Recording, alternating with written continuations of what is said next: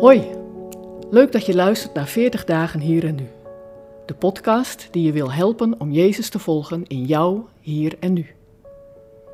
Dirk-Jan staat vandaag, 28 maart, stil bij een liefdeslied van God. Je vindt het in Jesaja 5, vers 1 tot 7. Als er één thema is dat veel terugkomt in muziek, is het wel de liefde. In allerlei toonaarden wordt de liefde tussen twee mensen bezongen.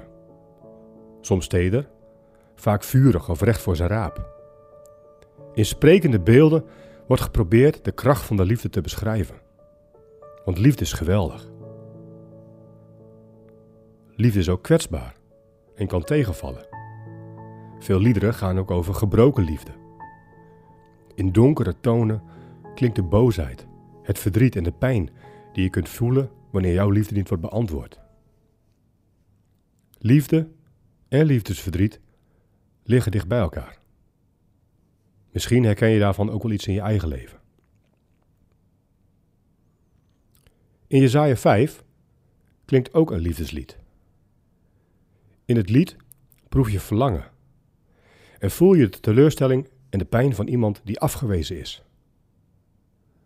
Een lied van God zelf. Ik vind dat adembenemend. En ik zal proberen uit te leggen waarom. Je hebt tijdens een heldere nacht vast wel eens omhoog gekeken. Liggend in het gras, sterren tellen. Een onbegonnen zaak. Zeker op plekken waar het nog echt donker is, zie je een spectaculair schouwspel aan de hemel. God schiep sterrenstelsels die zo groot zijn dat we ze met lichtjaren moeten meten. Ons eigen melkwegstelsel telt naar schatting zo'n 500 miljard sterren. In het heelal dat wij kunnen waarnemen, komen ruwweg zo'n 100 miljard sterrenstelsels voor. En elk sterrenstelsel telt een ontelbare hoeveelheid sterren, zwarte gaten en planeten. Als je het nog nooit hebt gedaan, google dan vandaag eens op foto's van de Hubble-telescoop. Het woord verbluffend is bij lange na niet voldoende om te beschrijven wat je dan ziet. Het is God die dit alles heeft gemaakt. Het is een uiting van zijn overweldigende grootheid. En het toont iets van zijn onmetelijke macht en majesteit. Wat heeft zo'n God nog nodig? Wat kan hem nou raken? Terug naar het lied in Jezaja. Het lied vertelt van een wijngaard die met grote zorg is aangelegd, maar die ondanks alle liefde en zorg wrange vruchten oplevert. Het is een lied over Gods liefde voor mensen en over zijn intense verlangen dat zijn liefde wordt beantwoord. Je voelt Gods pijn, teleurstelling en boosheid als zijn liefde onbeantwoord blijft. Die onbeantwoorde liefde is een refrein dat veel gehoord wordt in de Bijbel en in mijn eigen leven. Dit lied bepaalt me bij mijn eigen gebrek aan liefde.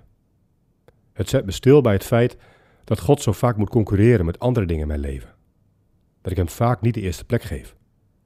Het is toch bizar voor woorden dat deze grote God in mijn leven moet wedijveren voor de eerste plek.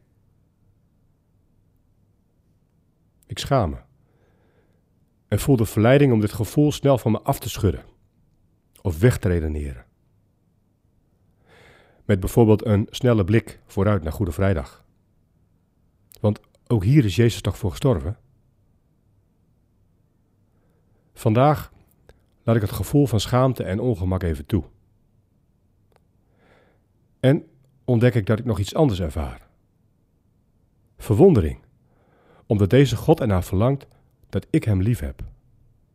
Verwondering over het feit dat Hij, die het heelal in de palm van zijn hand houdt, onze namen in diezelfde handpalm heeft gegrift. Het roept verlangen in me op. En een gebed. Machtige God, dank u voor uw liefde voor mij.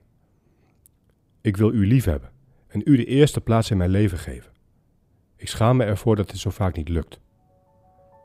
Dank u dat u zelf een andere refrein hebt ingezet. Wilt u zelf in mij de liefde opwekken en mij vernieuwen door uw geest. Amen.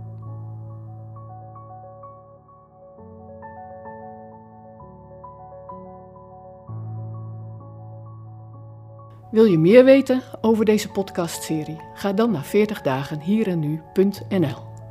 Voor de Bijbelteksten in deze podcast gebruiken we de NBV 21 van het Nederlands en Vlaams Bijbelgenootschap.